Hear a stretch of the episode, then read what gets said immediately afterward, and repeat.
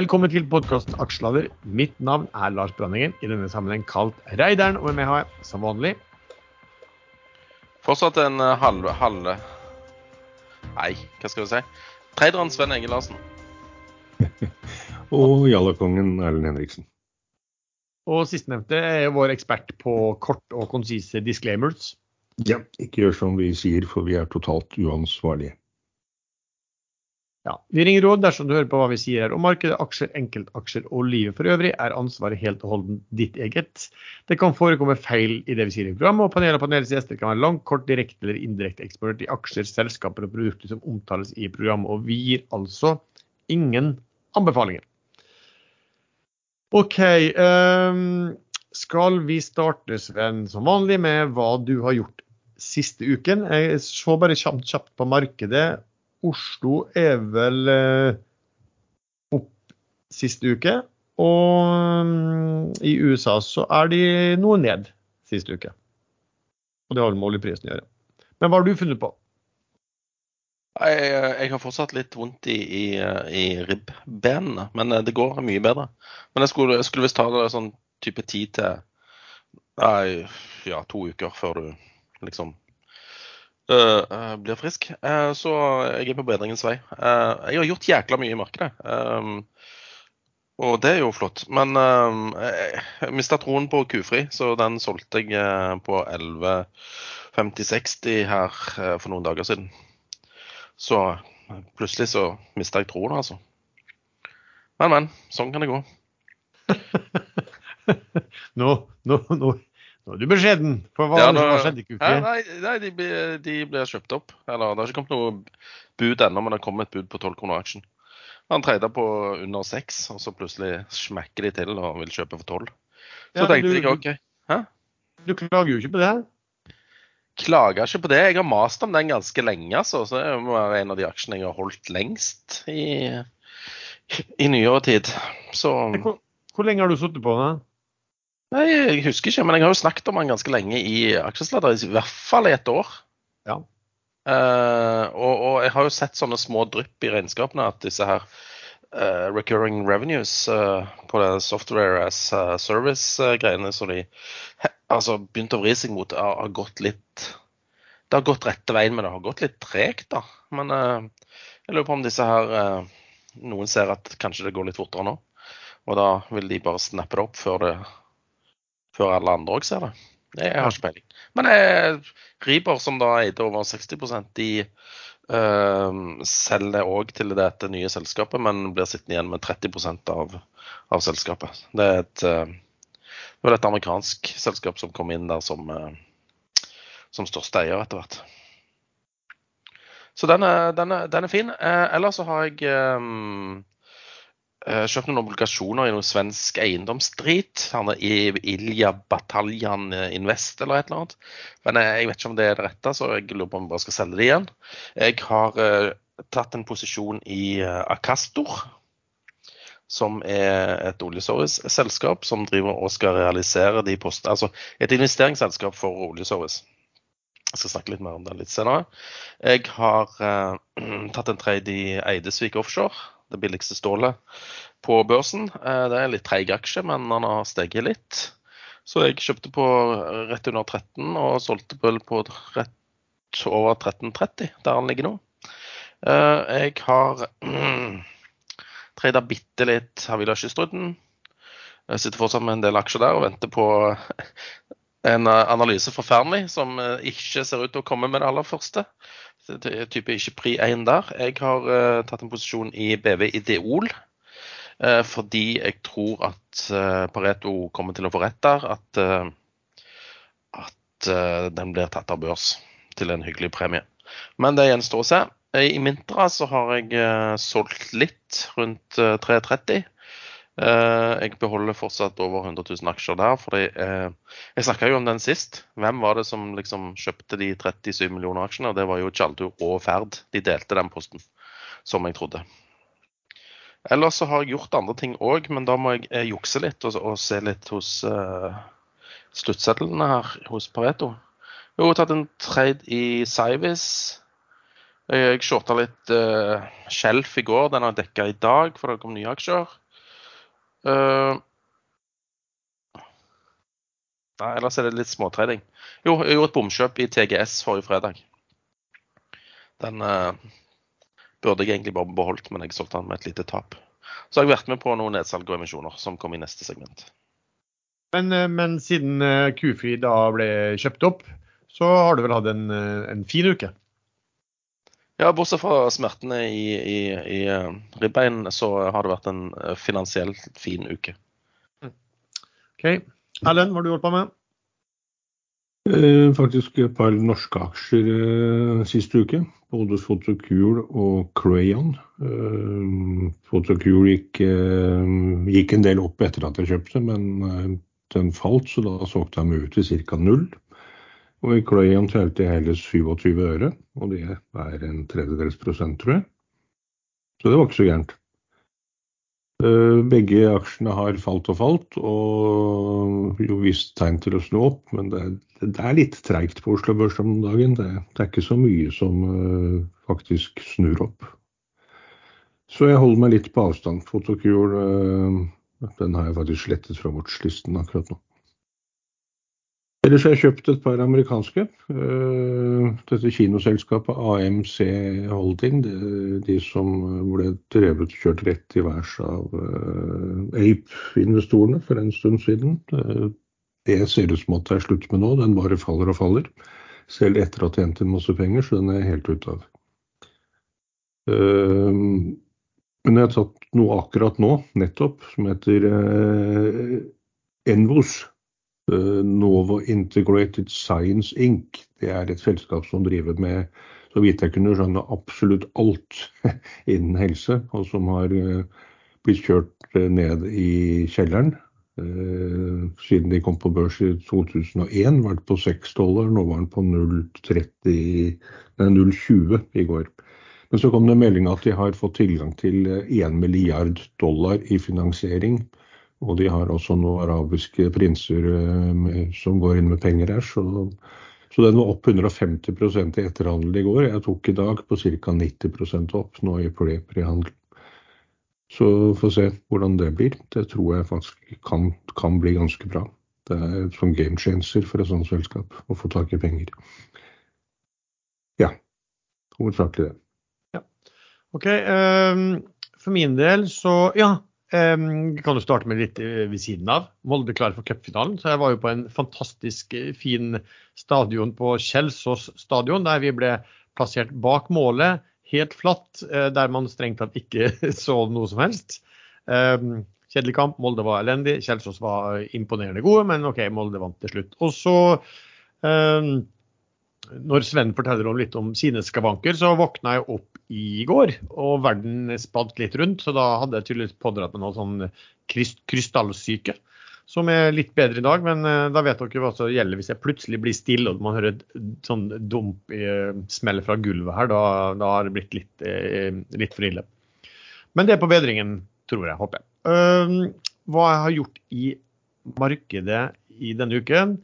Ikke sånn spesielt mye, men jeg har uh, solgt litt grann Seabird når den begynner å komme opp, uh, opp mot seks. Jeg har solgt litt grann uh, Doff. Jeg har vært og trada inn og ut med på Northern Drilling, den, den kan vi snakke om litt senere. Jeg gjorde vel ja, 30% på noen timer der før 35% faktisk, men den kursen stakk jo bare vilt videre før den falt igjen.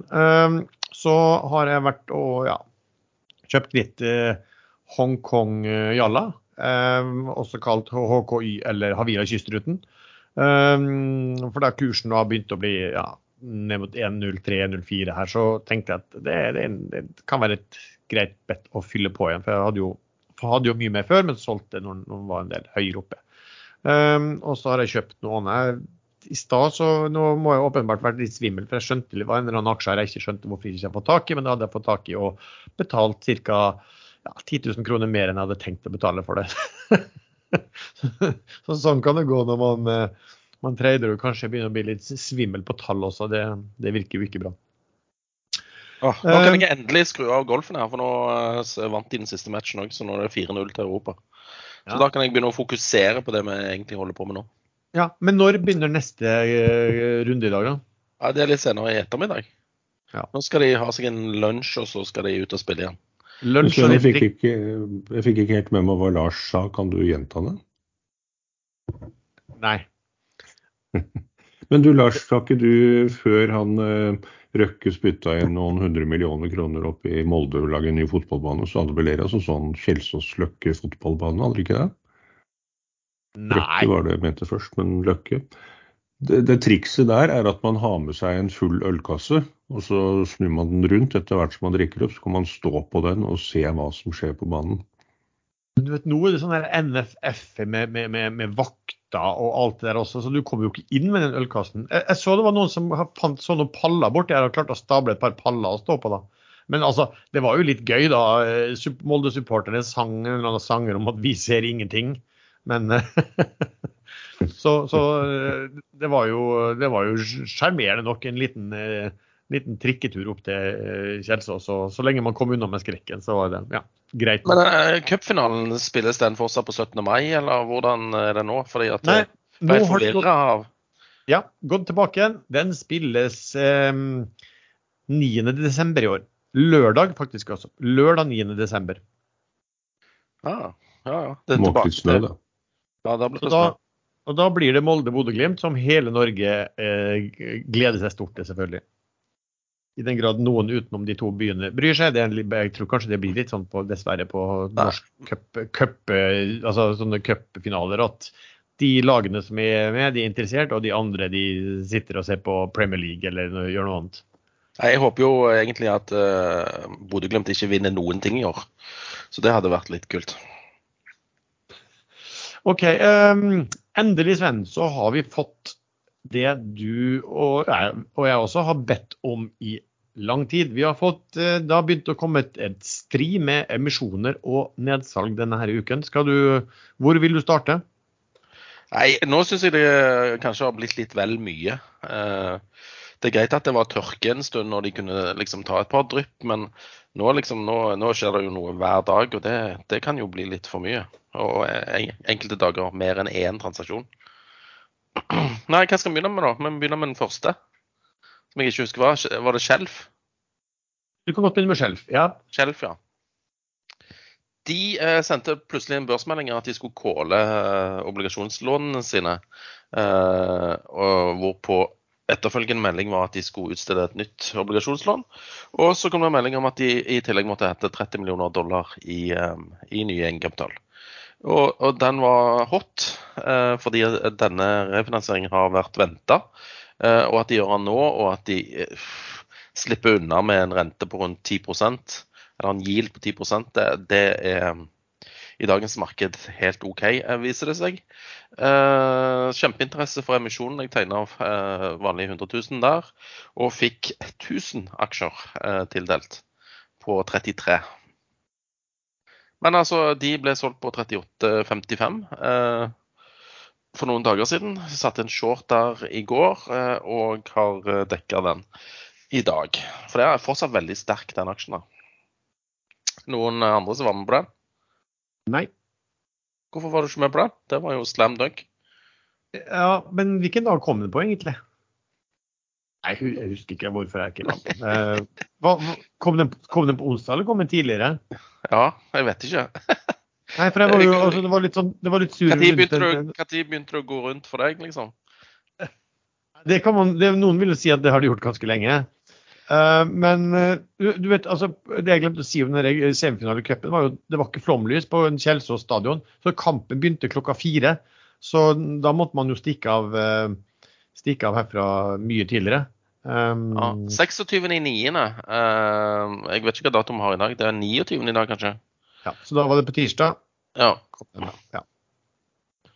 Så da var det da du var på kamp? Nei, det var vel på onsdag, tror jeg. Ja. Håper jeg. Ja, nei, uh, ja, den går på tirsdag. Ja, neste.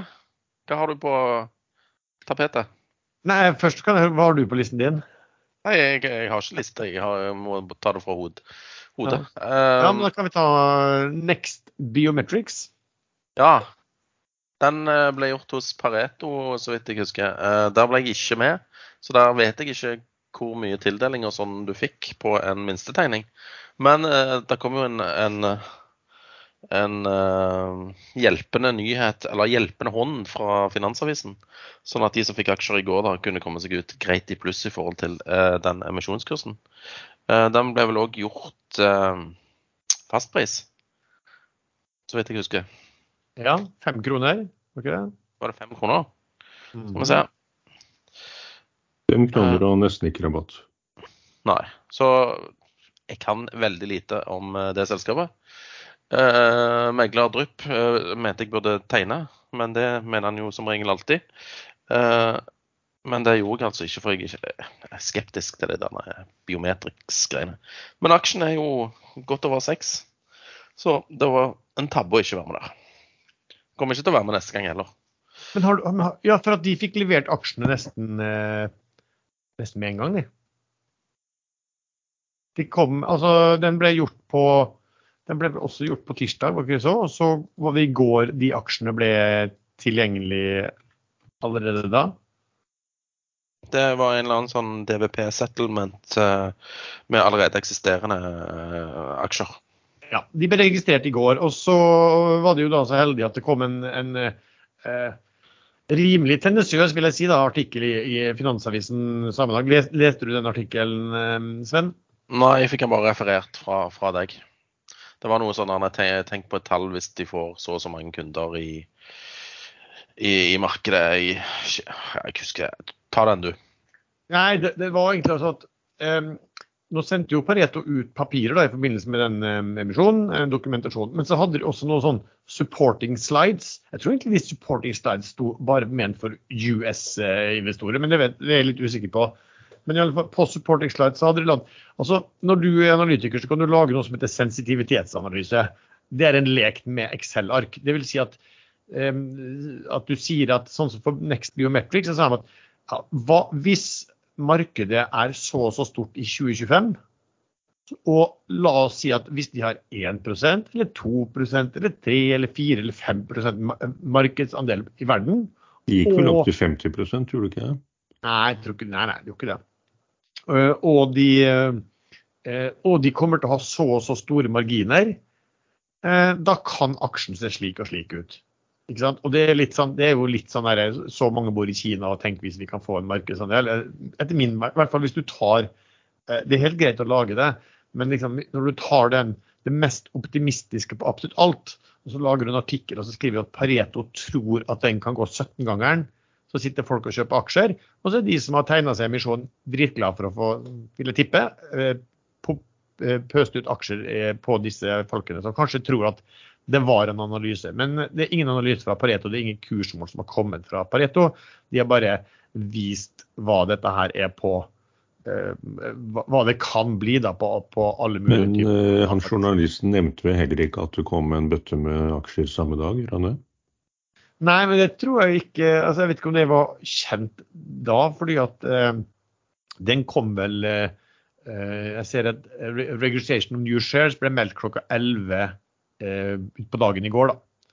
Så Ja, men det visste man nok at ville bli meldt. Så det, det lukter litt vondt. 17-gangeren og ingen har sagt og sensitivitetsanalyse. Det, sånn skal faktisk ikke skje. eh, Dessuten må, når man nevner, når man lager en analyse basert på antall barn i Kina, så må man øh, ta hensyn til at antall barn i Kina nå har gått ned. Så da burde han kanskje bare sagt 16-gangeren. Ja, det var, det var i hvert fall da next. Um, skal vi se hva ellers vi har. Vi har da Ja, vi har da endelig, Sven, så kom supply-selskapet hva? med emisjon. Og de heter Golden, Golden Shower Energy Services. ja, jeg Nå vil jeg anbefale lyttere å ikke google opp det ordet du nevnte der. Golden Shower Energy Services. Ja. Jeg lurer på hva jeg, Kanskje jeg skal google det, se hva som skjer.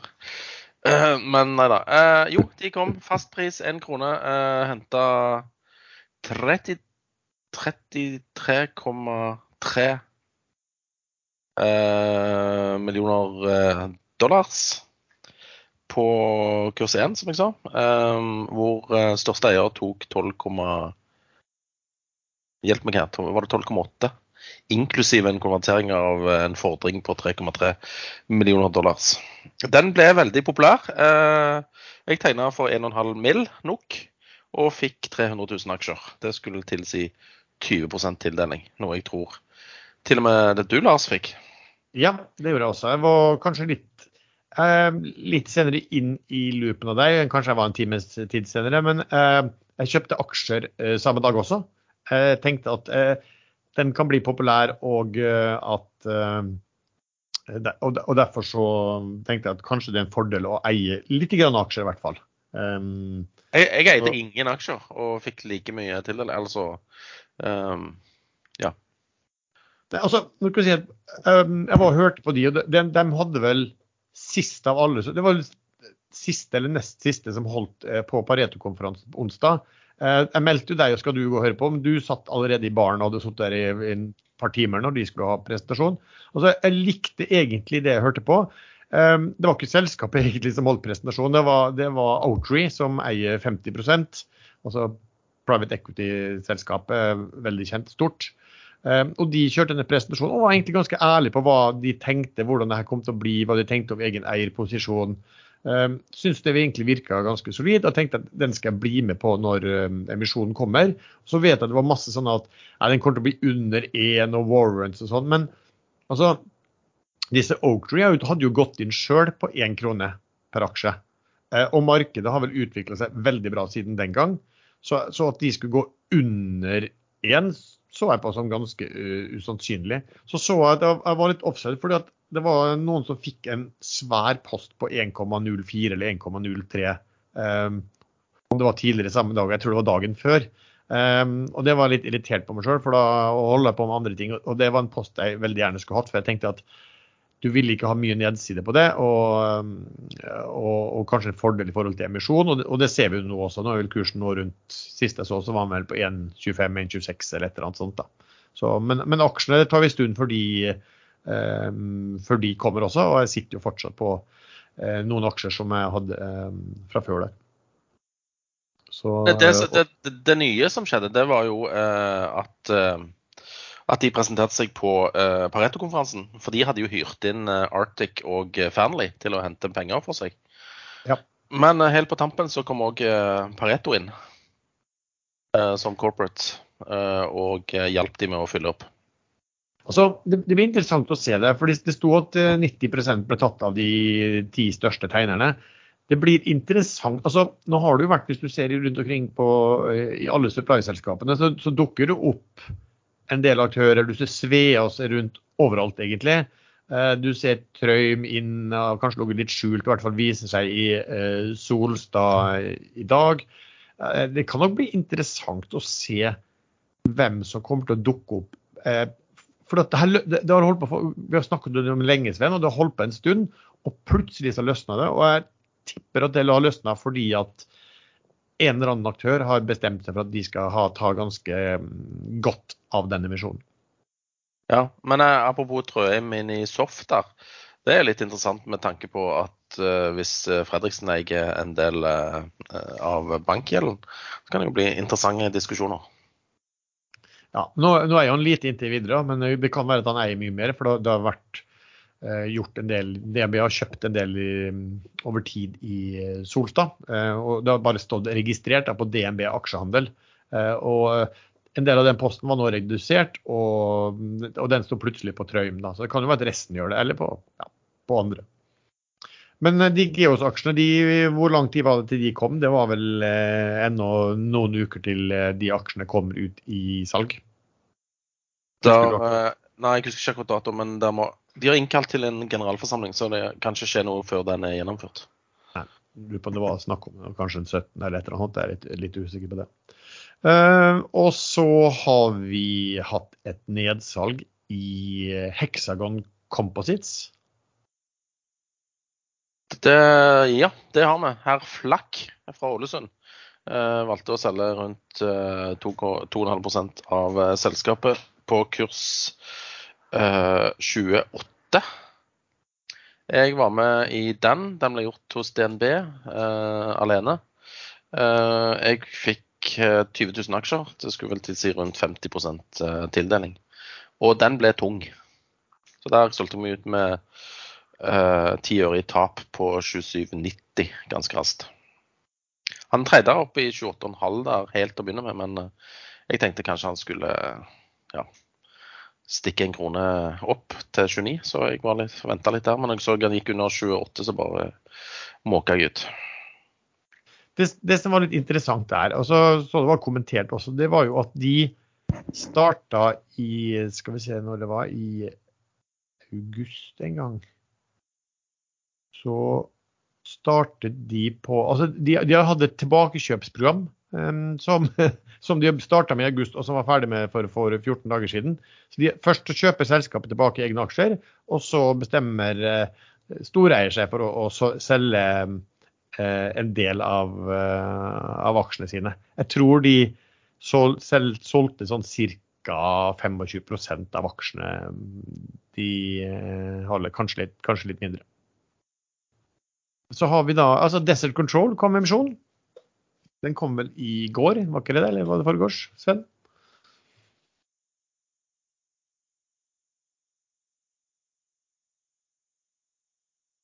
Nå er du muta, Sven, du vet det.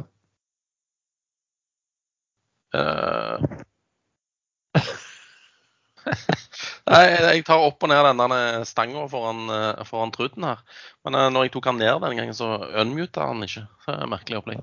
Uh, jo, um, Desert Control, ja. De uh, skulle hente mellom 68 millioner kroner. Henta 67,5. Uh, kurs fast, så jeg ikke husker. Men det 6,75. 6,75. og den tredje nå jeg tenkte bare jeg orker ikke full tildeling der, og aksjene kommer om en måned, nesten. Så da avsto jeg fra å tegne der, til eh, min meglers store skuffelse. Nok en gang. Men da handler det litt over syv nå. Eh, men aksjene kommer ikke før i, langt ut i oktober. Etter en generalforsamling und så weiter. Og jeg hadde jo fått full tildeling i og med at den ikke ble, ble uh, fulgt opp. Nei, det, men der var, der var, det 10% rabatt i forhold til sluttkurs uh, dagen før? Ja, stemmer. Balt, Balt, Baltic, tror jeg jeg nevnte Baltic Sea Properties. De skulle vel ut og hente noe, men har de kommet med noen uh... Nei, Baltic Sea Properties, det er ikke noe som heter det. det er ute og svever på et eller annet her. Jeg vet da faen hva jeg ja, Nei, det Black Sea. Black Sea Properties. Har de Ja, Baltic Sea og Black Sea, det er mulig. Black Sea Property. Um, de har jo meldt at de skulle gjøre en uh, Ja, de, de har starta med en, og den skulle de da gjøre ferdig ja, Den utløper i dag, den 16.30, på kurs 0,25. Uh, det, det, er jo knøtteselskap, da, fordi at, uh, fordi at Eh, de skulle bare hente 6,5 millioner eh, kroner også. Jeg lurer på om til og med at kursen var eh, falt under emisjonskursen der i dag. Jeg på, hvis jeg husker riktig. Ja, den er på 0,224 nå, så det blir nok en tung, en tung emisjon. Se, se, forresten, akkurat når vi snakket om uh, Solstad, så ser jeg at akkurat, akkurat nå DN har en artikkel om fra han Jensen som liker å provosere for å få klikk. Han skriver at Røkke og Trøen på lag, don't think so. Så han skriver at det kommer til å bli et vepsebol fram mot gjeldsforfall i april neste år. Skal vi se, så har vi fått uh, Vi har fått Vi har en IPO gående på noe som heter Berenberg. Eh, Hvis misnøye på den, hører jeg, blant investorer, for at den skal få tikker B-berg, og at den ikke fikk Bear. Men uh, har du sett noe på den, Sven? Ja, det har jeg faktisk gjort. Jeg, eh, det ser eh, relativt billig ut, ifølge eh, de materialene som er sendt i forbindelsen. Men jeg vet da søren, jeg. Jeg har tegna, men det er mest pga. at jeg tror det blir stor interesse. Det det er sånne serviceselskap i Nordsjøen. Ikke verdens beste marginer, men eh, alt som har med offshore og sånne ting, er jo rimelig hot for tiden. Første jeg tenkte på der, er at um, de eksisterende eierne, og det er jo stort, i stor grad et sånn eh, svensk PE-selskap, eh, de skulle selge 40 av aksjene sine. Og samtidig skulle det hentes inn penger til å betale ned 200 millioner i gjeld, som også var til gjeld til storeier. Og da, da, for min del er det litt, sånn, er litt røde flagg. Men samtidig så var det noen som påpekte at dette selskapet, PE-selskapet har sittet her veldig lenge. Eh, og av og til så altså en, en, god regel er vel ofte å være veldig forsiktig med kanskje å tegne når det er PE-selskap som tar ting på børs. Eh, fordi at de har, de har sminka grisen så voldsomt i, i, forkant, og så skal de ut. Eh, og Det kan jo skje også, men noen ganger er det også at bare at eh, den type PE-selskap må ut av en eller annen grunn. Det er jo investorer som skal tilbake penger også. Så jeg bare så litt på altså Det ser ikke så veldig dyrt ut verken på fjorårstallene, og i år så er vel tallene i bedring. Så jeg bare så at hvis du tar første halvår uh, i år og ganger med to, så har du en EV EBITDA, ikke DA, men EBITDA, da, på 6,4. Og du da vil i så fall ha en PE på rundt 6,6. Så jeg tror ikke det er så altså Hvis de fortsetter å forbedre resultatene noe, så kan den sikkert eh, bli fin. Men det er ikke så godt å vite hva, i hvilken grad disse PE-selskapene har, har, har boosta inntjeningen og sminka grisen i, i, i forkant her. Um, så har du også noe som heter Matvareekspressen, som er notert i dag. Har du, har du peiling på hva det egentlig er, Sven? Nei, det har jeg eh, ikke filla peiling på. Det skal visstnok være et selskap som er basert i Rogaland, men jeg har aldri hørt om dem. Jeg vet ikke, altså, vet ikke hvilke tikker de har. De har tikker MVE og notert på Merkur. Det eneste de har gjort, altså, de, de har eh, blitt eh, godkjent til trading på Euronext Growth, og så har de publisert et informasjonsdokument. Men de har ikke gjort noe, henta inn noe penger eller, eh, eller gjort eh, noe som helst. Så eh, jeg, vet ikke engang hva de, hva de, prises til, eller om, de har, om, det er noe særlig omsetning på det også. Skal, kan du sjekke det bare på hva Matvareekspressen er for noe. Vare.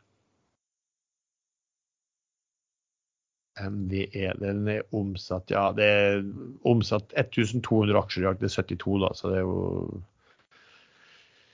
omsatt 80, noen 80 000 kroner på det. Og eh, det står ikke en gang i infoen står det ikke engang, engang hvor mange antall aksjer det er, så jeg har ikke peiling hva det er priset til. Vi får bare se. Kanskje vi kommer tilbake til en, en, en uh...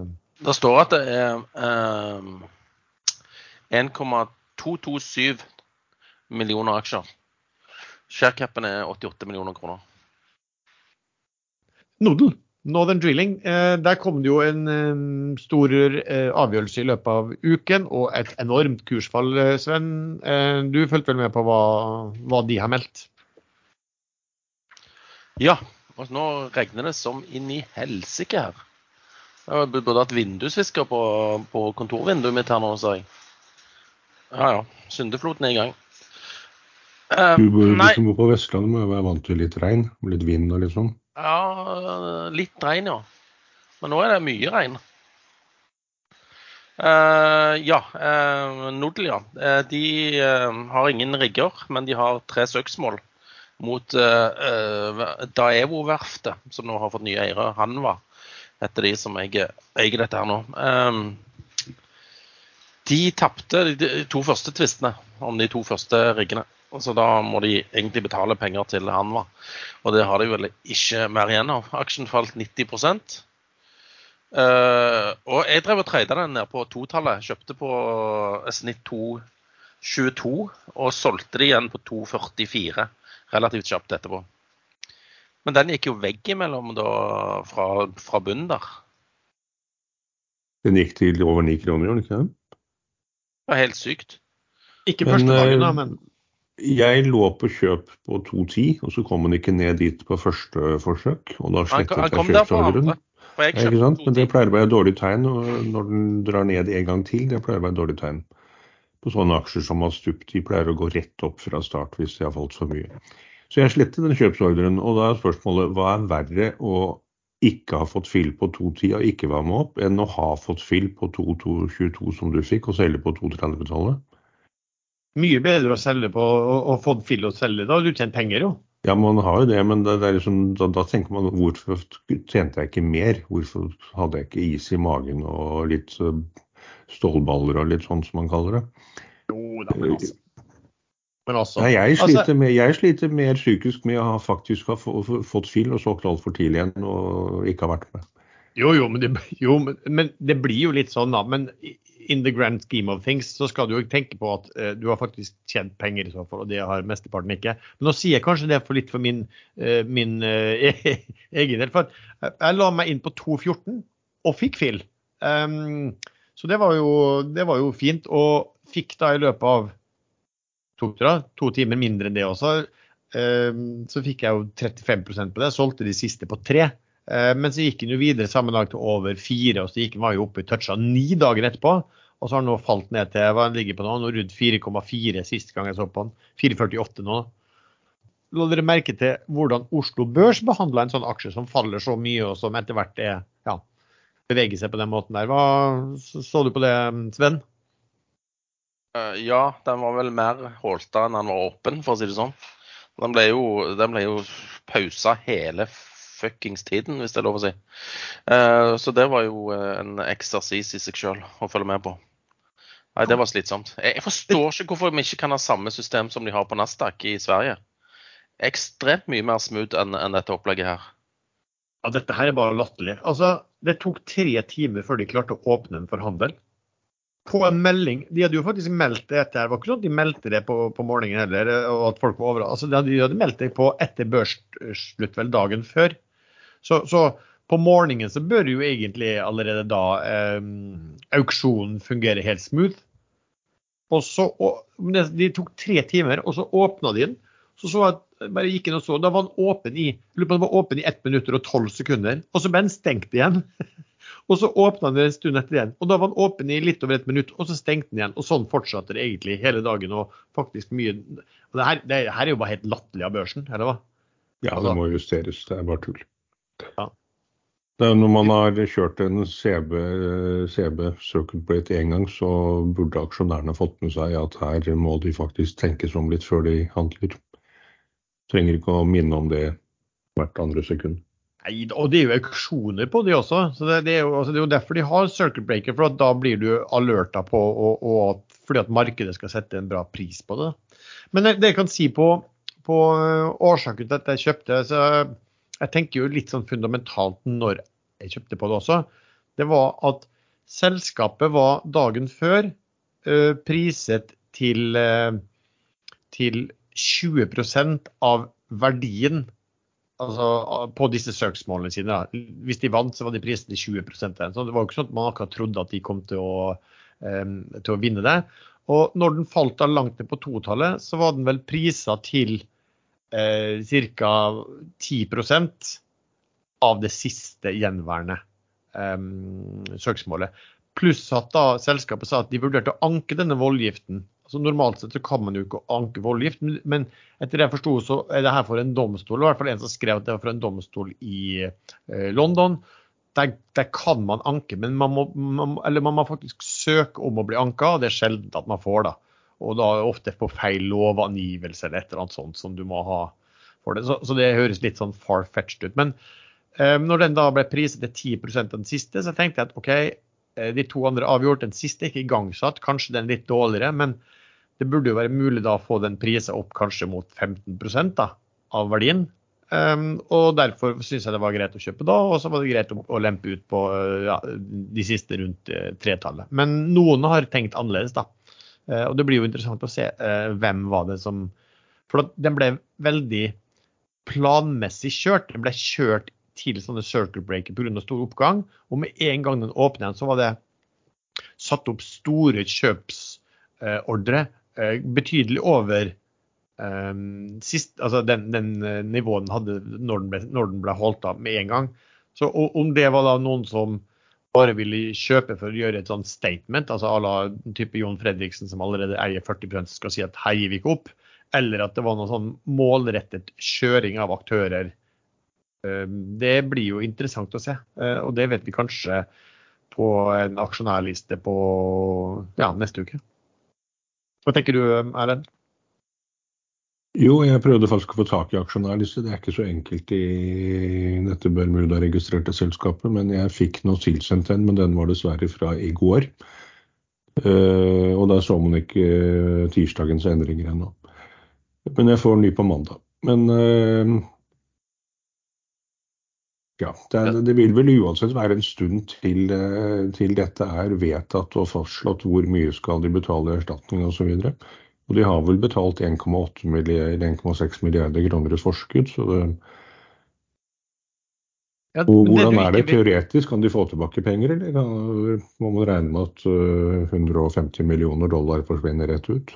Jeg tror, jeg tror det der er, er gone, for nå tror jeg det er bare et spørsmål på hvor mye andre de, andre de skal ha. Men eh, sånn som jeg forstår det, så er det Northern Drilling har to ulike datterselskap som har bestilt disse riggene. Så de har ikke skrevet noen ting. Jeg prøvde å se um, før de åpna den dagen om det sto noe om at morselskapet var ansvarlig hvis datterselskapene tapte, om de hadde gitt noen garantier eller noe sånt. Men, men, det sto ingenting om det, altså.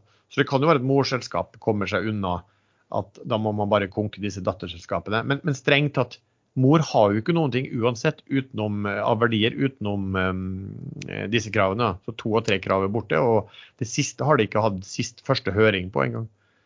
Um, Men dette minner er jo en luring, så hvor han har eventuelt uh, sikret seg under hånden i sånne avtaler, det vet man jo ikke. Men det minner jo om uh, Avilko Drilling. Uh, de òg tapte, uh, og de vurderte å anke. Men etter en nøye vurdering så fant de ut at de ikke skulle anke. De har jo òg én sak igjen da, som de, som de, venter på svar fra. Ja, stemmer.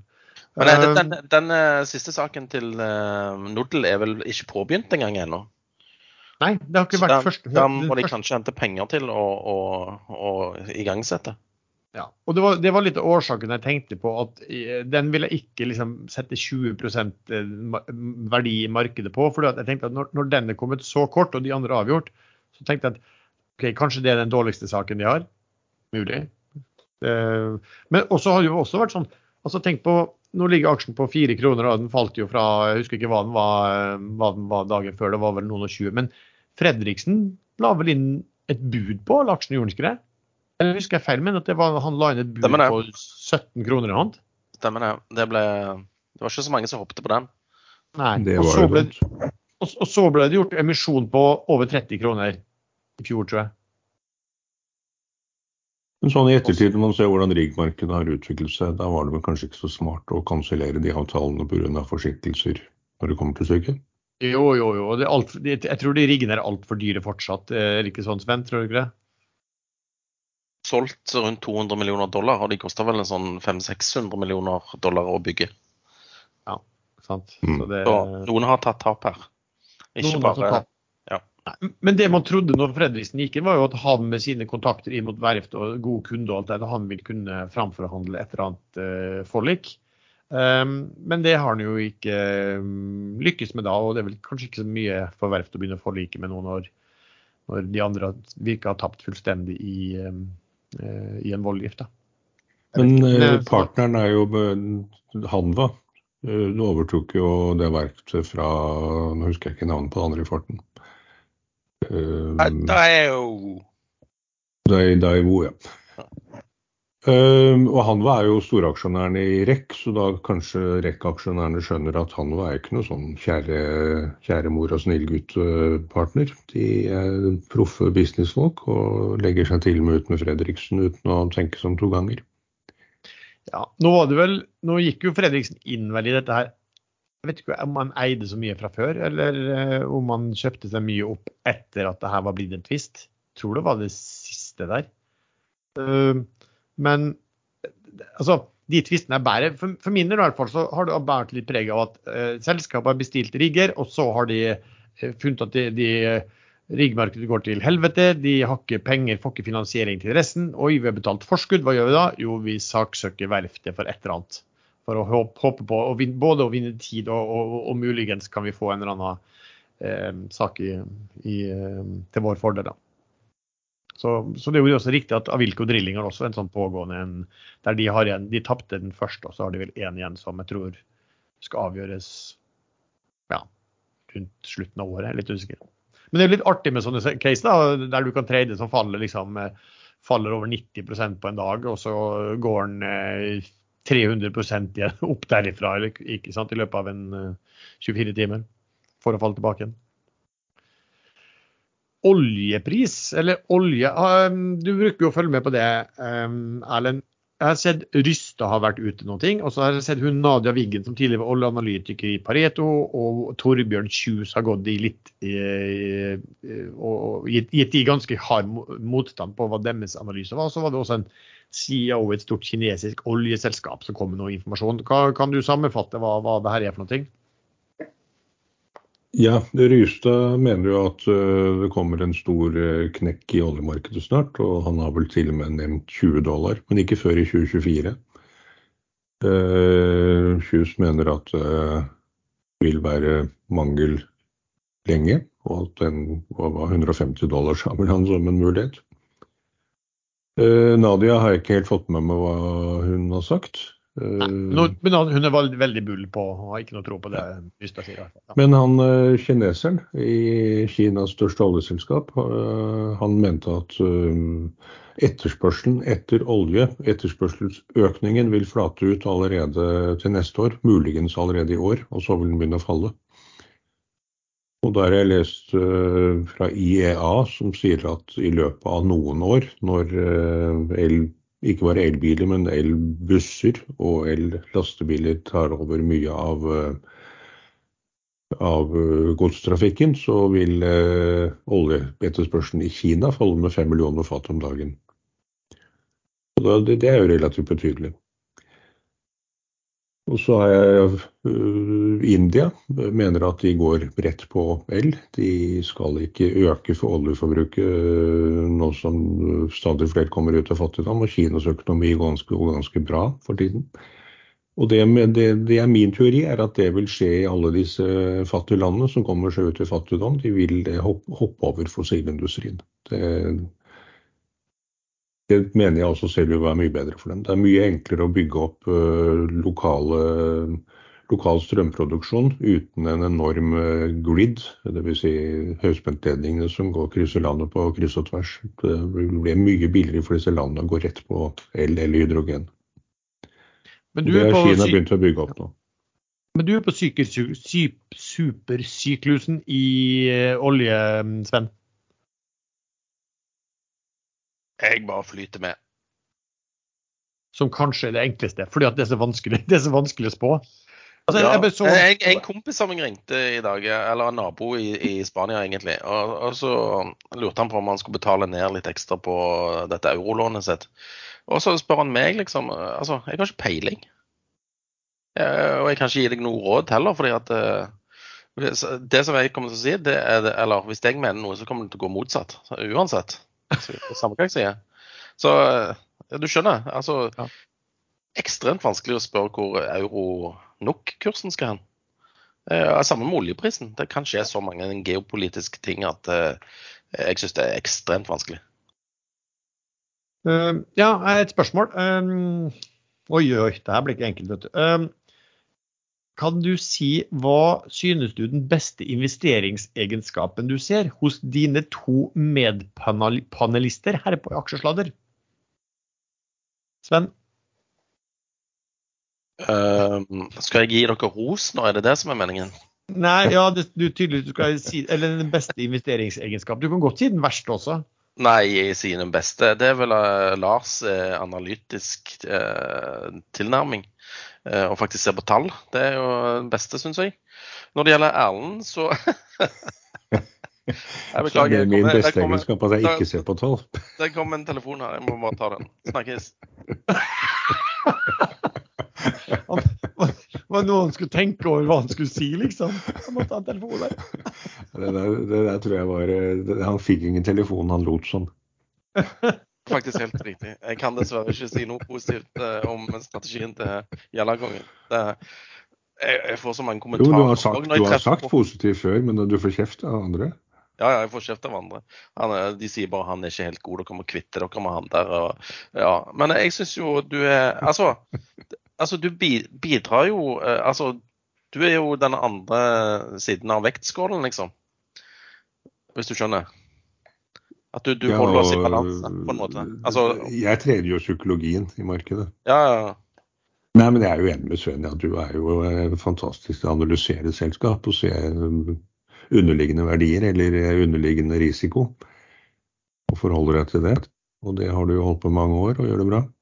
Du har til og med råd til å reise til, helt opp til Kjelsåsbanen, ta fergen over fra Nesodden. Og Men, men Sven vil du ikke si noe pent om. ja, Sven er jo, eh, er det lov å si, dritdyktig.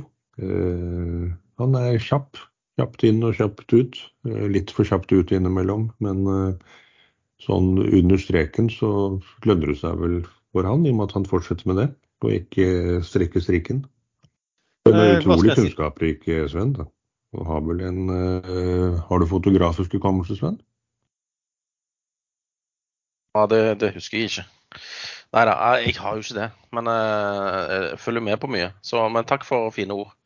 Eh, Jeg beklager at jeg ikke kunne gjengjelde de. Eh, Ja, det må ikke le. Jeg får så vondt i ribbeina når jeg ler. Så det, jeg var jo på sånn Hans Morten Hansen-show på lørdag som var. Og det, det var slitsomt. Hva er det for noe? Hansen. Hans Morten Hansen, Norges beste standup-komiker. Okay. Gullestad i Side om side. Jeg tror faktisk at jeg har han eh, Nei, jeg, husker, jeg, jeg mener jeg har lest om han. Ja, han hadde en sånn ikonisk sånn Ikea-banning-sekvens i det forrige showet sitt. Denne gangen var det MDG-nedsabling. og og da, da fikk jeg vondt. For det, det var knallbra. Så du lo på deg ribbeinsbrudd? Ja, jeg jeg var i forkant eh, redd for at jeg skulle dø av latter. Bokstavelig talt. Skal jeg si noen ting eh, om hva som er beste investeringsselskap til dere jeg, to? vet, jeg vet ikke, Lars. Det kan bli for mye eh, selvros, føler jeg. Nei, men jeg skal bare si Ja, det, det er sant. Kanskje vi klipper det bort. Vi får se. Men eh, eh, da vil jeg si på Sven, så vil jeg si Sven, beste egenskapen det er at han er en grinder i så måte at finn, han finner case. Eh, trenger ikke å være trenger ikke gjøre 20-30 men finner masse case hele tida. Han grinder ut eh, gevinster. Altså Klager han av til at de er for små, men han grinder stadig vekk ut gevinster fra masse case. Det tror jeg er den beste egenskapen eh, til han. Og Sven sin beste, nei, Erlend sin beste er at han er jævla ballsty, selvfølgelig, og går der folk stort sett ikke, ikke, ikke vil gå, med full selvtillit. Han er den som går på isen eh, selv om det står utrygg is. Den var ganske bra. Ja, det, Men det, akkurat det gjør jeg faktisk ikke. Jeg tar, jeg tar veldig lite risiko sånn i egen eh, hverdag. Jeg har til og med begynt å kjøre pent på vei nå. Nei, men, men vi snakket om aksjemarkedet her nå. Ja. Altså strategien, altså det står utrygg is, men du kjører på likevel. Ja, når jeg da tar en eh, aksje, en VOS, eh, NVOS, tikker i USA, som, har, som jeg tok på litt over 90 opp fra sluttkursen i går, så vil vel noen kalle det høy risiko. Eh, Men i mitt hode så er det relativt kalkulert. Er, eh, de fikk løst problemet sitt. De har pengene de skal ha på plass. Selskapet kan jeg ikke så mye om, bortsett fra at jeg ser at det er ganske tunge investorer i det selskapet. Så vi får se. Eh, Den var på over 0,50 dollar i går. Nå er den på 0,38 akkurat nå. Jeg kjøpte på 0,39.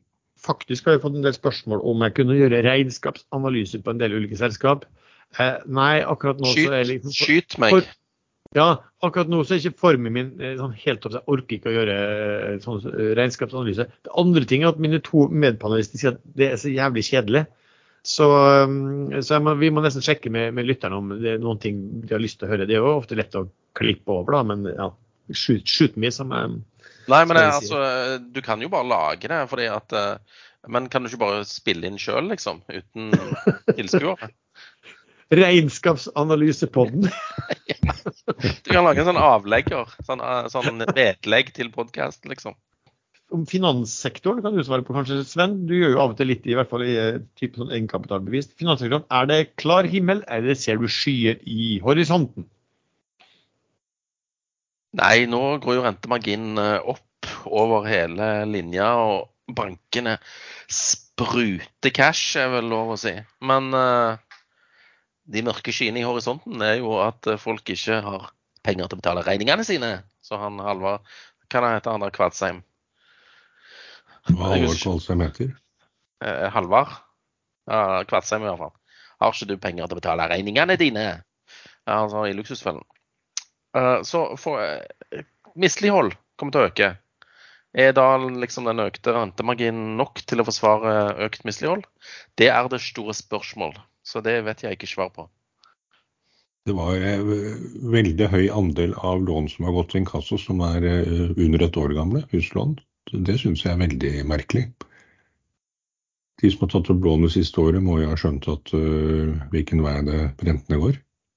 Og bankene må jo ha skjønt at uh, de må ha litt buffersone. Så hvordan kan et huslån gå til inkasso i løpet av det første året de har lån, det, det skjønner jeg faktisk ikke. Eh, det er det som er faren her. Hva, hvor stort blir omfanget av misligholdte lån? Og det har jeg ingen um, formening om. Jeg bare vil tro at misligholdet vil øke i takt med økte renter. Mm. Men, så, men, så, lenge, så, men så, lenge, folk har jobb, altså, så vil nok de fleste være i stand til å betjene lånene sine. Det, det er først når uh, du ser sånne permitteringer og oppsigelser og sånn at det, det kan bli skikkelig ille. Så lenge folk har jobb, så tror jeg dette går helt fint. Det som overrasket meg litt, eller det som jeg selvfølgelig burde ha tenkt på, er jo at dagens rente på hva er den for noe, nesten 6% effektiv. Eh, det tilsvarer jo 13-14% rente på 80-tallet, hvor folk kunne trekke fra veldig mye mer av rentene på på skattbar inntekt. Så det, det, er, det, er, mye tyngre å betale 6% nå enn det var på 80-tallet, før de endret reglene. Mm. Uh, skal vi se et annet spørsmål for? Uh, ja, spørsmål om Kahoot. Uh, hva er det som skjer i Kahoot nå? jo, de, det har det vært et bud, ikke sant, som frafalt eh, kravet på hvor mye de vilkår om minste akseptgrad. De har vel, den, den er vel, løper vel eh, faktisk ut uh, til 6. oktober, ser jeg på siste børsmelding.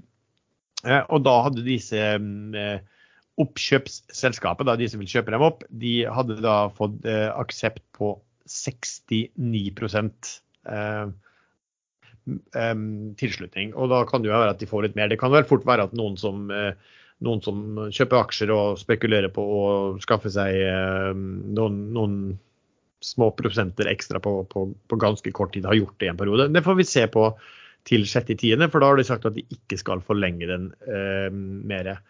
Um, og da er det vel, etter jeg forstår, de som aksepterer før 6.10, for å oppgjøre i oktober. Uh, og det som skjer at, altså, det her har jo vært et frivillig tilbud. Så uh, når de får aksept for såpass mye at de eier da 69, uh, 60, mer enn 69% over det, så er det jo da inntil reglene gått gjennom det reglene for pliktig tilbud. Så de må jo nå etter 6.10., eh, hvis de da Så må de komme med et pliktig tilbud. Det tror jeg er Jeg lurer på at de må hvis de har over 90% så er jeg litt usikker på om de, de trenger det. Men, men um, sannsynligvis må de gi et, pliktig tilbud som må stå i markedet i en del uker. Um, og så kan du eventuelt, hvis de da kommer over 90 da, så kan de begynne å tvangsinnløse. Så nei, det som spørsmålet er jo hva som skjer. Hvor, hvor mange prosent vil eh, oppkjøper få? Eh, hva, du, hva, hva, gjør man da? Og så skal man akseptere nå, og skal man eh, eventuelt akseptere å vente på et pliktig tilbud som tar litt lengre tid. Eh, vente på en eventuell, ja, altså, eh, det tar i hvert fall litt tid da før prosessen blir avslutta, og så blir det sikkert litt mindre, eh, litt mindre likviditet eh, videre. Så, så du har flere sjanser til å kunne mm, akseptere det hvis du vil det, og da får du pengene litt senere i så fall. Um, ja, det er vel det.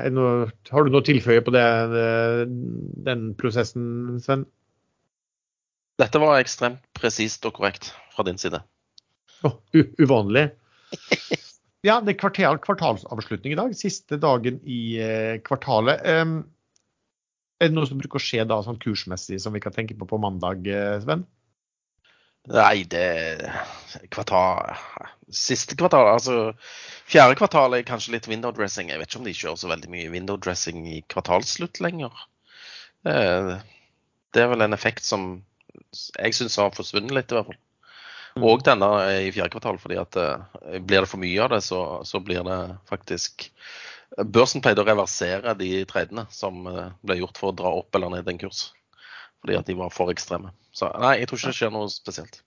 Men det, Men, eh, men eh, det, det siste, siste dag, eh, mest sannsynlig før nye B-aksjer i Doff kommer, og, B, og Doff Group er jo kjempesterk. 51,47. Ja. det er mye av Solstad er jo opp 7,5 Den var vel opp i 12-13 før i dag.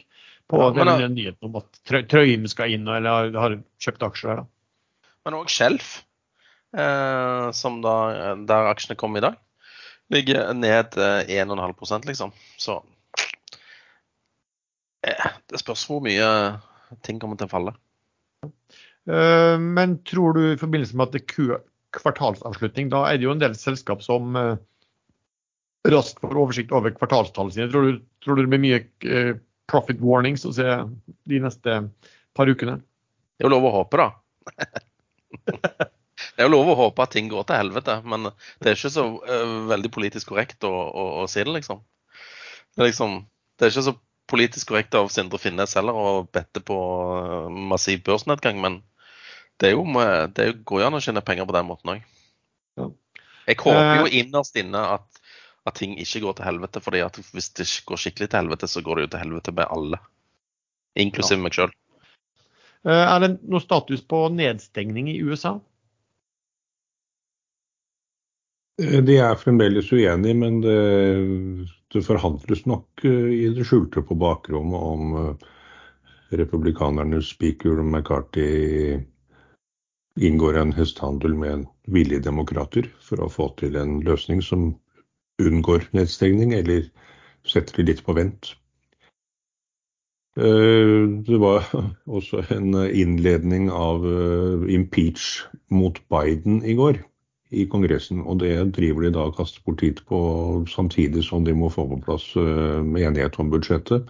Så det ble jo kraftig kritisert, og det kom heller ikke noe som helst fram i det, eh, den lange prosessen i går som var hard facts, eh, bevis på bordet. Så dette er, det, det går litt feil vei i USA nå. De, de, må, de må få orden på demokratiet sitt. Biden holdt også en lang tale i går om farene for demokratiet. Og Der trakk han fram en masse utsagn fra Donald Trump som jeg helt hadde glemt. Det var sånn helt horrible, hvor Donald Trump hadde gått ut mot uh, egne statsansatte og ment at de var uh, tullinger og mm, bare brukte penger. Og, og han Miley, han uh, øverste sjefen for eh, generalstaben eh, i Det hvite hus, jeg husker ikke helt hva han er, han som også var det under Trump og fortsatt under Biden. Eh, Men det er sånn prosess. Det, det, er ikke en sånn som blir sparket når de blir president. De sitter, i, sitter på åremål. Eh, Trump hadde gått og sagt at han fortjener dødsstraff i en tweet her nå for et par uker siden.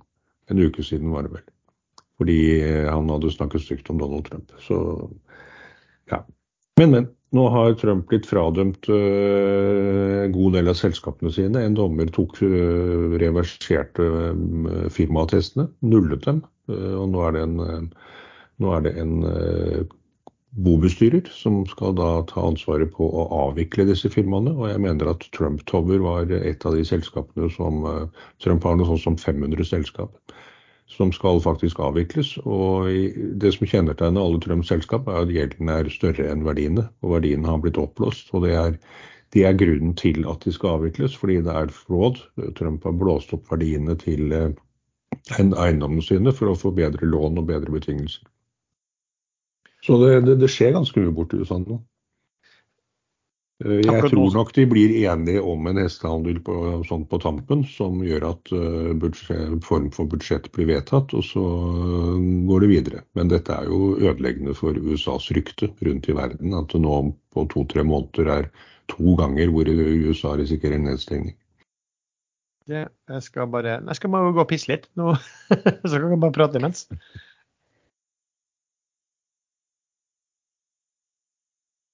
Hva tror du, Sven? Står eh, Lars og tisser, eller eh, må han sitte? Jeg tror han må sitte nå pga. det svinger litt rundt i, i, i hodet. da. Og så- og så lurer jeg på om det er andre, andre helseproblemer òg, i tillegg til den Han begynner å bli gammel. Ja, ja. Altså, han vet jo vi skulle ha sending nå, og så må på do midt i sendingen. Det er dårlig, dårlig planlegging i tillegg. Men nå skjer det akkurat noe morsomt her når, når vi snakker fram Og klokka har rundet 13.00 norsk tid. Eh, Da er det en del som slippes inn i premarkedet i USA som ikke har tilgang før det. Og da smalt den aksjen min opp 10 her. Ja. Den jeg kjøpte i dag tidlig. Og det, Men eh, forrige, forrige fredag hadde du jo eh, Fotokur eh, sekund for sekund med oppdatert eh, profit and loss i jeg skal kjøre den nå, Ja. kjøre nå på Nvos også. Ja, Hvor mye er det opp nå? Nei, nå ramla han litt tilbake, men over inngangen min. Ja, men, men vi vil ha dollar og cents. Nå er den på 0,39,68. Nei, nei, nei, nei, hvor mye har du tjent på en gang? Å ja. Nei, i penger? Nei, det ser jeg ikke ennå, for jeg får ikke oppdatert uh, før børsen åpner i USA. Da først oppdateres Ah. det dollar. Akkurat, så du er helt i mørket her nå. Ikke helt. 5 eh, Men dette er, jo- jeg går jo ikke inn med 17 millioner kroner i en sånn aksjepost. Rundt 80 000 er jeg kjøpt for norske kroner. Okay. Ah. Hey, boys. 5 det er fem ganger over 4000 kroner. det. Gjorde det vondt, eller eh, gikk det greit? Nei, det gikk, eh, det gikk eh, veldig greit. Jeg hørte det spørsmålet som Sven Erlend stilte akkurat når jeg var på vei ut døra. Så, eh, og men her har vi et annet spørsmål vi har fått fra en veldig ivrig lytter. Eh, Hørt på alle episodeskriverne, som eh, heter Lars. Eh, og han er opptatt av eh, dette språkrådet vårt, der vi forklarer nye ord. Eh, ord da, Dette er et nytt ord. Så han lurte på om Erlend kunne forklare eh, begrepet, altså et ord som heter grovfeit. Det var, det var noe du skrev i chatten for en stund siden, og du kalte meg grovfeit. Men det har jeg prøvd å google opp, og det ordet fins ikke. Nei. Så nei. Men setninger av to ord som finnes. Og hva betyr det, egentlig? Da, da, da måtte Lars ha brukt bindestrek, hvis det skulle vært godkjent. Ah, ok. Nei, Så- Så det, det betyr ingenting. Det er ikke noe å ta hensyn til.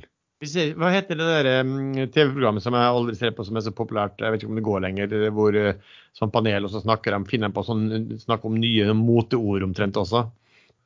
Eides språkshow? Og det er Eh, Eides språkshow. Det går på NRK. Linda Eide. Hun stemmer det. den fantastiske sveisen. ja, og dialekten. Ja.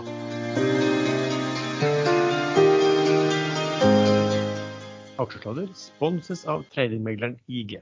På IG finner du et meget stort tilbud av warranter, bull- og bear-sertifikat, barriers og vaniljeopsjoner, turbo-warranter og CFD-er, som knyttes til enkeltaksjer, råvarer, indekser, kryptovaluta, valuta og mye mer. IG tilbyr også beskyttelse mot negativ kontobalanse, noe som sikrer at du ikke taper mer enn saldoen på din konto, selv om markedet beveger seg raskt eller med gaps. Du kan shorte aksjer og indekser som enkelthandel, eller du kan bruke slik shorting til å hedge din langsiktige portefølje. Oppdag dette og mye mer via en kostnadsfritt konto på IG. Besøk ig.com no, eller last ned appen i dag. Husk at all trading involverer høy risiko.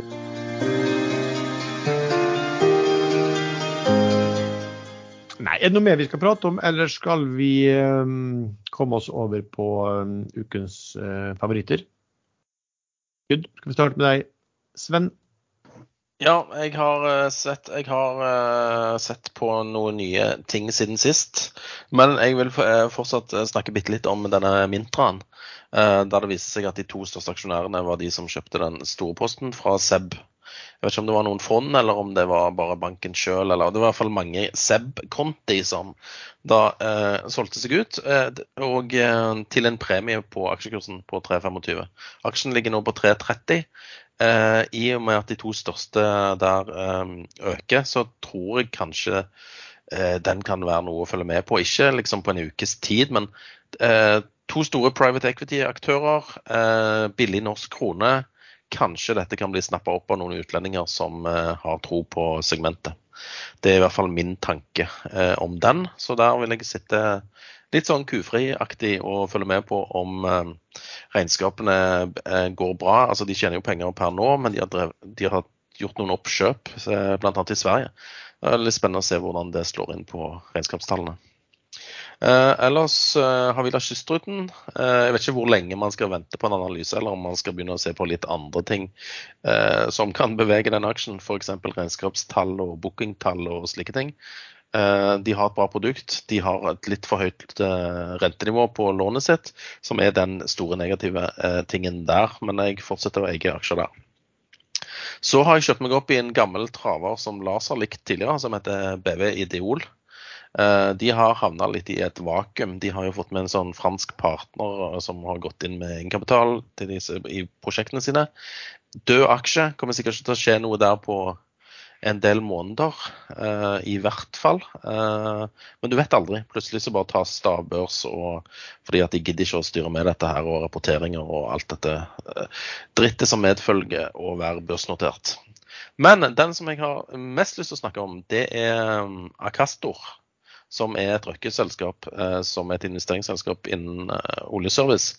De har to store ting de holder på med. Det ene er et selskap som heter HMH, som er en, eh, en kombinasjon av MH Virt og Baker Hughes sin Subsea Drilling Systems-divisjon, som ble gjort i 2021.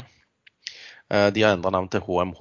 og Akastor Acastor er i høstingsfasen. De har lyst å liksom realisere de investeringene de har, og har begynt så vidt med å selge ABL-aksjer og AGR-aksjer og, og, den biten der. Eh, børsnotering av HMH i disse gode offshore-tidene eh, blir sett på som veldig sannsynlig, så jeg tror det kan skje noe der for å komme seg ut av den. Og Så har de òg et selskap som heter Akofs Offshore. Jeg tror det heter Aker Offshore Partner eller noe sånt i gamle dager, men nå heter de Akofs. Eh, de har tre ekstremt eh, bra eh, eh high-spec subsea-båter og sånne offshorebåter som er på lange kontrakter. Dessverre. Fornyelsen skjer ikke før i 2025, men de har i presentasjonene sine sagt at de åpner for, for ja, sammenslåinger eventuelt salg av den biten der. I tillegg har de noen mindre investeringer. Og en voldgiftssak i India, eh, noe som blir kalt for DRU-claims. Og går det veien, så eh, best case ca. 1 milliard kroner inn. Worst case er null. Altså at de ikke får noen penger. Så den er venta nå i løpet av kort tid. Så det er et par triggere der eh, som jeg syns eh, var litt interessante å, å følge med på. Ok, Eh, Men hvor Sa du noen ting om hvor mye det er anslått sånn rabatt på? For det er ja, jeg, jeg snakka jo uh, Dette er et investeringsselskap. Jeg snakka så vidt med vår gode venn Kristian Falnes, som er en relativt stor aksjonær i selskapet. Uh, det er jo greit å ha sånne å støtte seg på når du liksom Jeg begynte å se litt løs på det, men tenkte jeg, ja, han er jo der, han vet jo sikkert masse om dette, og det gjorde han jo. Um, han anslår det verdt sånn type 18-20 kroner. Og handler nå 1190. Jo, men uh, Akastor er jo, er jo en litt sånn bastard. Det er bastard. bastard. Ja, for det, det er, Aker er jo et investeringsselskap som mm. igjen eier aksjer i et børsnotert investeringsselskap som heter Akastor. Ja, men jeg, det, jeg, har fått inntrykk av at de er på, i høstingsfasen. Altså at de vil, vil, realisere disse investeringene sine.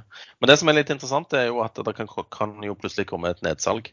Fordi at Eh, ikke fra Aker, men fra hvis nå Infront eh, samarbeider her, så Nærings- og fiskeridepartementet har 33,1 millioner aksjer i Akastor. 12,08% Og hvorfor har de det? Det er litt sånn merkelig. Mm. Så plutselig kan det komme et nedsalg fra staten. Og da er det mulig, mulig sikkert å få enda litt billigere aksjer. Ja. OK. Um, Erlend, har du noe spesielt? Ja, eh, denne Northern Drilling følger jeg med på, men det er mer en sånn eh, lottoaksje, og det er jeg ikke veldig glad i. Det er, eh, enten så kommer det noen god melding, eller det viser seg at Fredriksen har kjøpt masse for han vil kjøre en kamp her, og da kan han gå opp. Eller så har han ikke kjøpt en eneste aksje, og hele oppgangen var bare en pump, en dump, som har nå er kursen ca. halvparten av det nå på topp, og trender nedover. Så da venter jeg heller til man ser hva som har skjedd, enn å spekulere i hva som kanskje kan skje. Eh, men det er en amerikansk aksje, en stor, jeg vil si det er en UK-selskap, ARM, som kom på børs for en uh, par uker siden. Tre uker siden er det vel nå. Uh, og den tjente jeg ganske greit på. Jeg tok den på, tok den på Open da de kjørte IPO på 56 dollar, og den falt en halv dollar, og så gikk den opp til over 70. Jeg solgte på 63. Eh, den falt under 50 dollar, eh, og veldig mange har analysert det fram til at den var ekstremt overpriset. Uh, mye høyere overpriset enn både Nvidia og Tesla og alle disse andre.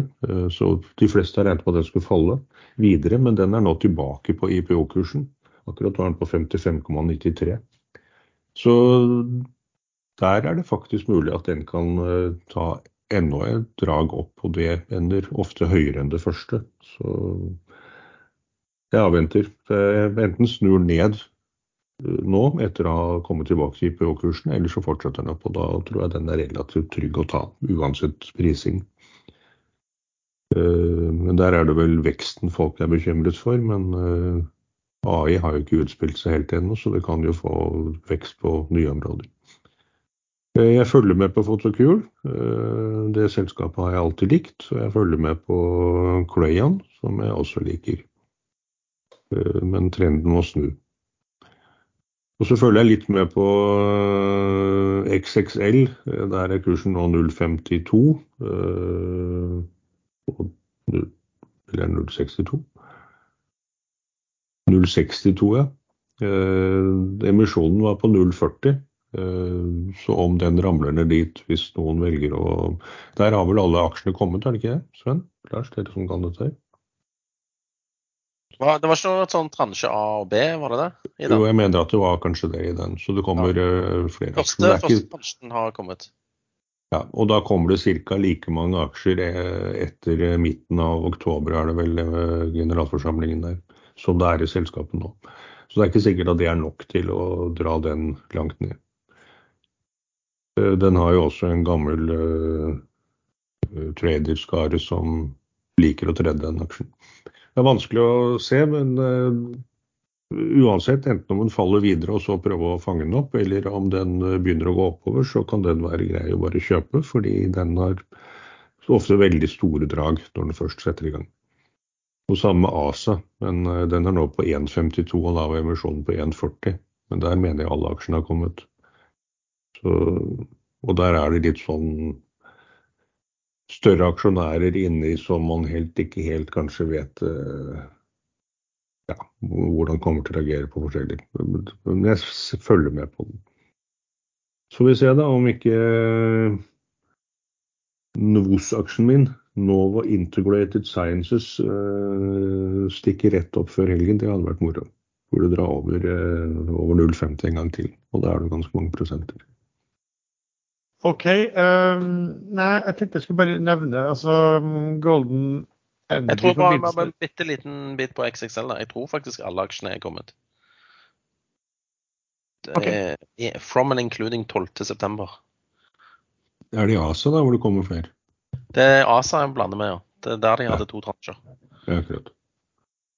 Skal vi se. Uh, nei, uh, for min del, uh, jeg kunne nevne da Golden Energy. vi har fått litt spørsmål på den også om oppkjøpskandidater. For de var jo veldig klare på at de antok at de burde ha dobla flåten sin innen et år. Med, og gjerne mer enn det også. Så, så, de virker som de er opptatt av å kunne kjøpe fartøy, og kanskje også gå sammen med noen. Og det var jo litt som Oaktree sa, at de, de eier jo 50 nå, men det var før emisjonen. Ehm, og de ville eie mindre for de ville ha bedre fri flyt. Andre aktører kanskje få kursen opp så de kunne bruke det også som eh, betalingsmiddel. Eh, så litt på de tallene i forbindelse med emisjon, og, der hadde de oppgitt megleranslag på disse båtene, fartøyene de hadde. sånn og den. Og Hvis jeg regna på det, så var det ca. 1,84 per aksje eh, i Nav. Men noe av det hadde du, da hadde du regna på noe de nylig hadde kjøpt, som om verdien allerede var en del høyere på det. Så brukte man den verdien på de nykjøpte, så man, var navet på 1,64. Så Det som er litt interessant, er at hvis du tror på at det markedet blir knallsterkt, og at For de har jo veldig solid inntjening, og inntjeningene står egentlig ikke på en måte i forhold til eh, verdiene på fartøyene. I hvert fall hvis du tror at det blir god inntjening i, en del år eh, framover. Eh, giringen, altså mm, Golden Energy har en giring der, eh, der altså market capen utgjør ca. en tredel av balansen. Eh, det vil si at hvis du sier enkelt at markedsverdiene er en tredel og, og eh, gjelden, eh, långjelden er to tredel. Og det er litt sånn à la hva vel også har på, på børsen i dag. Kan nevne mm, et område som har skuffa litt den siste perioden, er jo ankerhåndteringsfartøy, AHTS-er. og Da har vi, jo den vi kalte rørleggeren, VSSAB. De andre eh, supply-selskapene har gått kraftig opp siste måned. Eh, så vel Siem i stad, som hadde gått opp ja, 30% siste måned. Den hadde gått opp 9 eh, Men Det har litt med at de har andre typer fartøy å gjøre. Men man snakker om at det kan bli bedre tider i Nordsjøen, og nå ser det vel ut som om kanskje England også gjør eh, gir mer tillatelse til utbygginger på, på britisk eh, eh, sokkel også. Så plutselig så får du en go på AHTS-er, og da kan den bli prisa mye høyere. Pluss at det er et selskap som fort kan være involvert i, en, eh, i, i sammenslåinger da, i bransjen. Det har jo vært snakket lenge om de og eh, CM Offshore eh, f.eks. Um, en som har gått litt fra meg, faktisk, litt irriterende, for at jeg hadde sittet og fulgt med på, det var Noram Drilling som jeg var på på presentasjonen. Så at den i går når jeg for rundt og svimla i går, så var den under 49. Uh, og nå ender jo på 52 nå. Um, kan sikkert være bra. Og kommer ned igjen, så kommer jeg sikkert til å, til å um, gå inn i den igjen. Um, satt også og så litt i går på denne Crayon som jeg gjorde en regnskapsanalyse for på noen, nå måneds tid siden. Altså, den faller jo og faller, da, og er jo, uh, var vel nest mest shorta av de norske selskapene. Og så disse Roblu har solgt seg ut. Uh, har regulert litt i dag. og Det kan være interessant å følge med på, i hvert fall om det kommer en eller annen, uh, en eller annen rekyl der. Uh, Meglerhusene ligger i hvert fall veldig høyt på, på kursmålene der. Um, og det er vel et selskap som sikkert har lyst til å komme ut med, med gode gode nyheter. Ellers nevnte jeg at det har kjøpt litt, eh, økt litt igjen i uh, Havila kystruten. Nei, det er vel litt Kanskje, kanskje kommer det analyse, men det er kanskje mye man skal tro på lenger. For det har man jo snakket om, om, om lenge nå. nei, bortsett fra det så er det vel ikke noe sånn sånt spesielt. Det er vel ja, bra. Markedet er veldig sterkt innenfor alt som har med olje å gjøre, og da gjelder vel kanskje bare å, å henge på inntil videre. Hvem vet. Jeg glemte jo å ta med en som jeg hadde øh, kjøpt aksjer igjen. igjen. Uh, um, gode gamle Biofish Holding. De tuppa ut uh, sjefen. Erstatta han med en ny og ung og sulten uh, sjef, som jeg håper ja, er flink. Det, det, har vært litt sånn hemsko, den ledelsen som de har hatt. så han eh, går fra å være daglig leder til å bli styremedlem. Det var grunnen til at jeg kjøpte, kjøpte tilbake den igjen. Ja. Og kanskje neste uke kan jeg kanskje si litt mer om hvem jeg betalte 10 000 kroner for mye for i dag. På børsen også. Uh, ja. Så ja. Får vi se om det kan bli Om det, om det, kan, om det kan ende godt eller ikke. Ja vel. Skal vi Jeg glemte å nevne at dette selskapet mitt, dette Novo Integrated Science, eh, NOS, eh, har hypergrowth expectations. Det, det, er veldig viktig å få med seg. Det er et eh, ord som selger bort i USA. Men de har faktisk noen produkter, og de har fått godkjent legemidler. Så det er ikke helt umulig at det kan slå til. Når de får 1 milliard dollar i en låneramme som de kan bruke tilnærmet som de vil, så og markedcapen er på 35 millioner dollar, så, så, er det noe Hvem er det som skal låne de, disse her 1 milliard dollarsene? Det er uh, Black Sheep Trust. Har du ja? hørt om de? Black? Black Sheep Trust. Ja, sorte får? Ja, ja det, det, er jo veldig bra navn på. Og fondet heter One Billion Dollar Master Collateral Transfer Agreement. The Master Agreement. Det ser veldig bra ut. Er det noe backa av noen eh, arabiske prinser og Ja, det var det også. Ja, ok. Nei, jeg, det ser, jeg ser lovende ut. Ja, ja, absolutt. Jeg kan bare nevne når jeg snakket om Noram, at de er jo avhengig av eh, rig count på mm, landrigger i USA. Og Sist uke så var det jo litt overraskende. Da, da Det så kanskje ut som den hadde bunna litt, men da falt den en del eh, forrige fredag. Og Der kommer det jo tall, ja, tall etter børs i dag på ny rig count, som, som også alltid kan påvirke den kursen positivt og, eh, og negativt. OK, skal vi komme Ja, jeg har fått en melding fra IWS, Integrated Wind eh, Solutions. Uh, de har fått skjøvet på uh, Equity Yard Installments, altså avdragene de skal betale til verftet, på uh, totalt 36 millioner euro. Og Det kreller tøffe navn på de der båtene. da. Seawalker, Starwalker, Moonwalker og Sunwalker. De har fått skjøvet på det på ett år. Så det er tydelig at de får, et år på seg å hente penger. Ja, og så um, står det at de eh, Altså, men, men, det er egentlig tilnærmet uforandret eh, når de skal få leveran leveranse på det. Ja. På snille verft. Snille verft. Det er, ikke, ja. det er tydeligvis ikke i Sør-Korea, dette. Det er i Kina. Nei, det, det, det er Kina. Snille kinesere. Ja. Slemme sørkoreanere. Men jeg må korrigere, det var ikke en arabisk prins. Det er snakk om 40 millioner dollar som investeres direkte. Det er altså ikke et lån. Som utføres av sjeik Khaled bin Mohammed bin Fahad al-Tanyan gjennom Gulf International Minerals and Energy Group. Det hadde DJ Khaled? Ja, det er det sikkert. Det var bra, var bra de ikke fant navnet fra sånn eh, Flåklypa Grand Prix eller noe sånt. da. Nå syns jeg du er litt sånn uh, nedlatende mot våre arabiske venner her. Ja, det er sant. Det skal ikke være det. Det er, penger, det er mye penger der. Jeg hadde heller vært det hvis det var innenfor fotball. Det er kanskje mer fortjent der.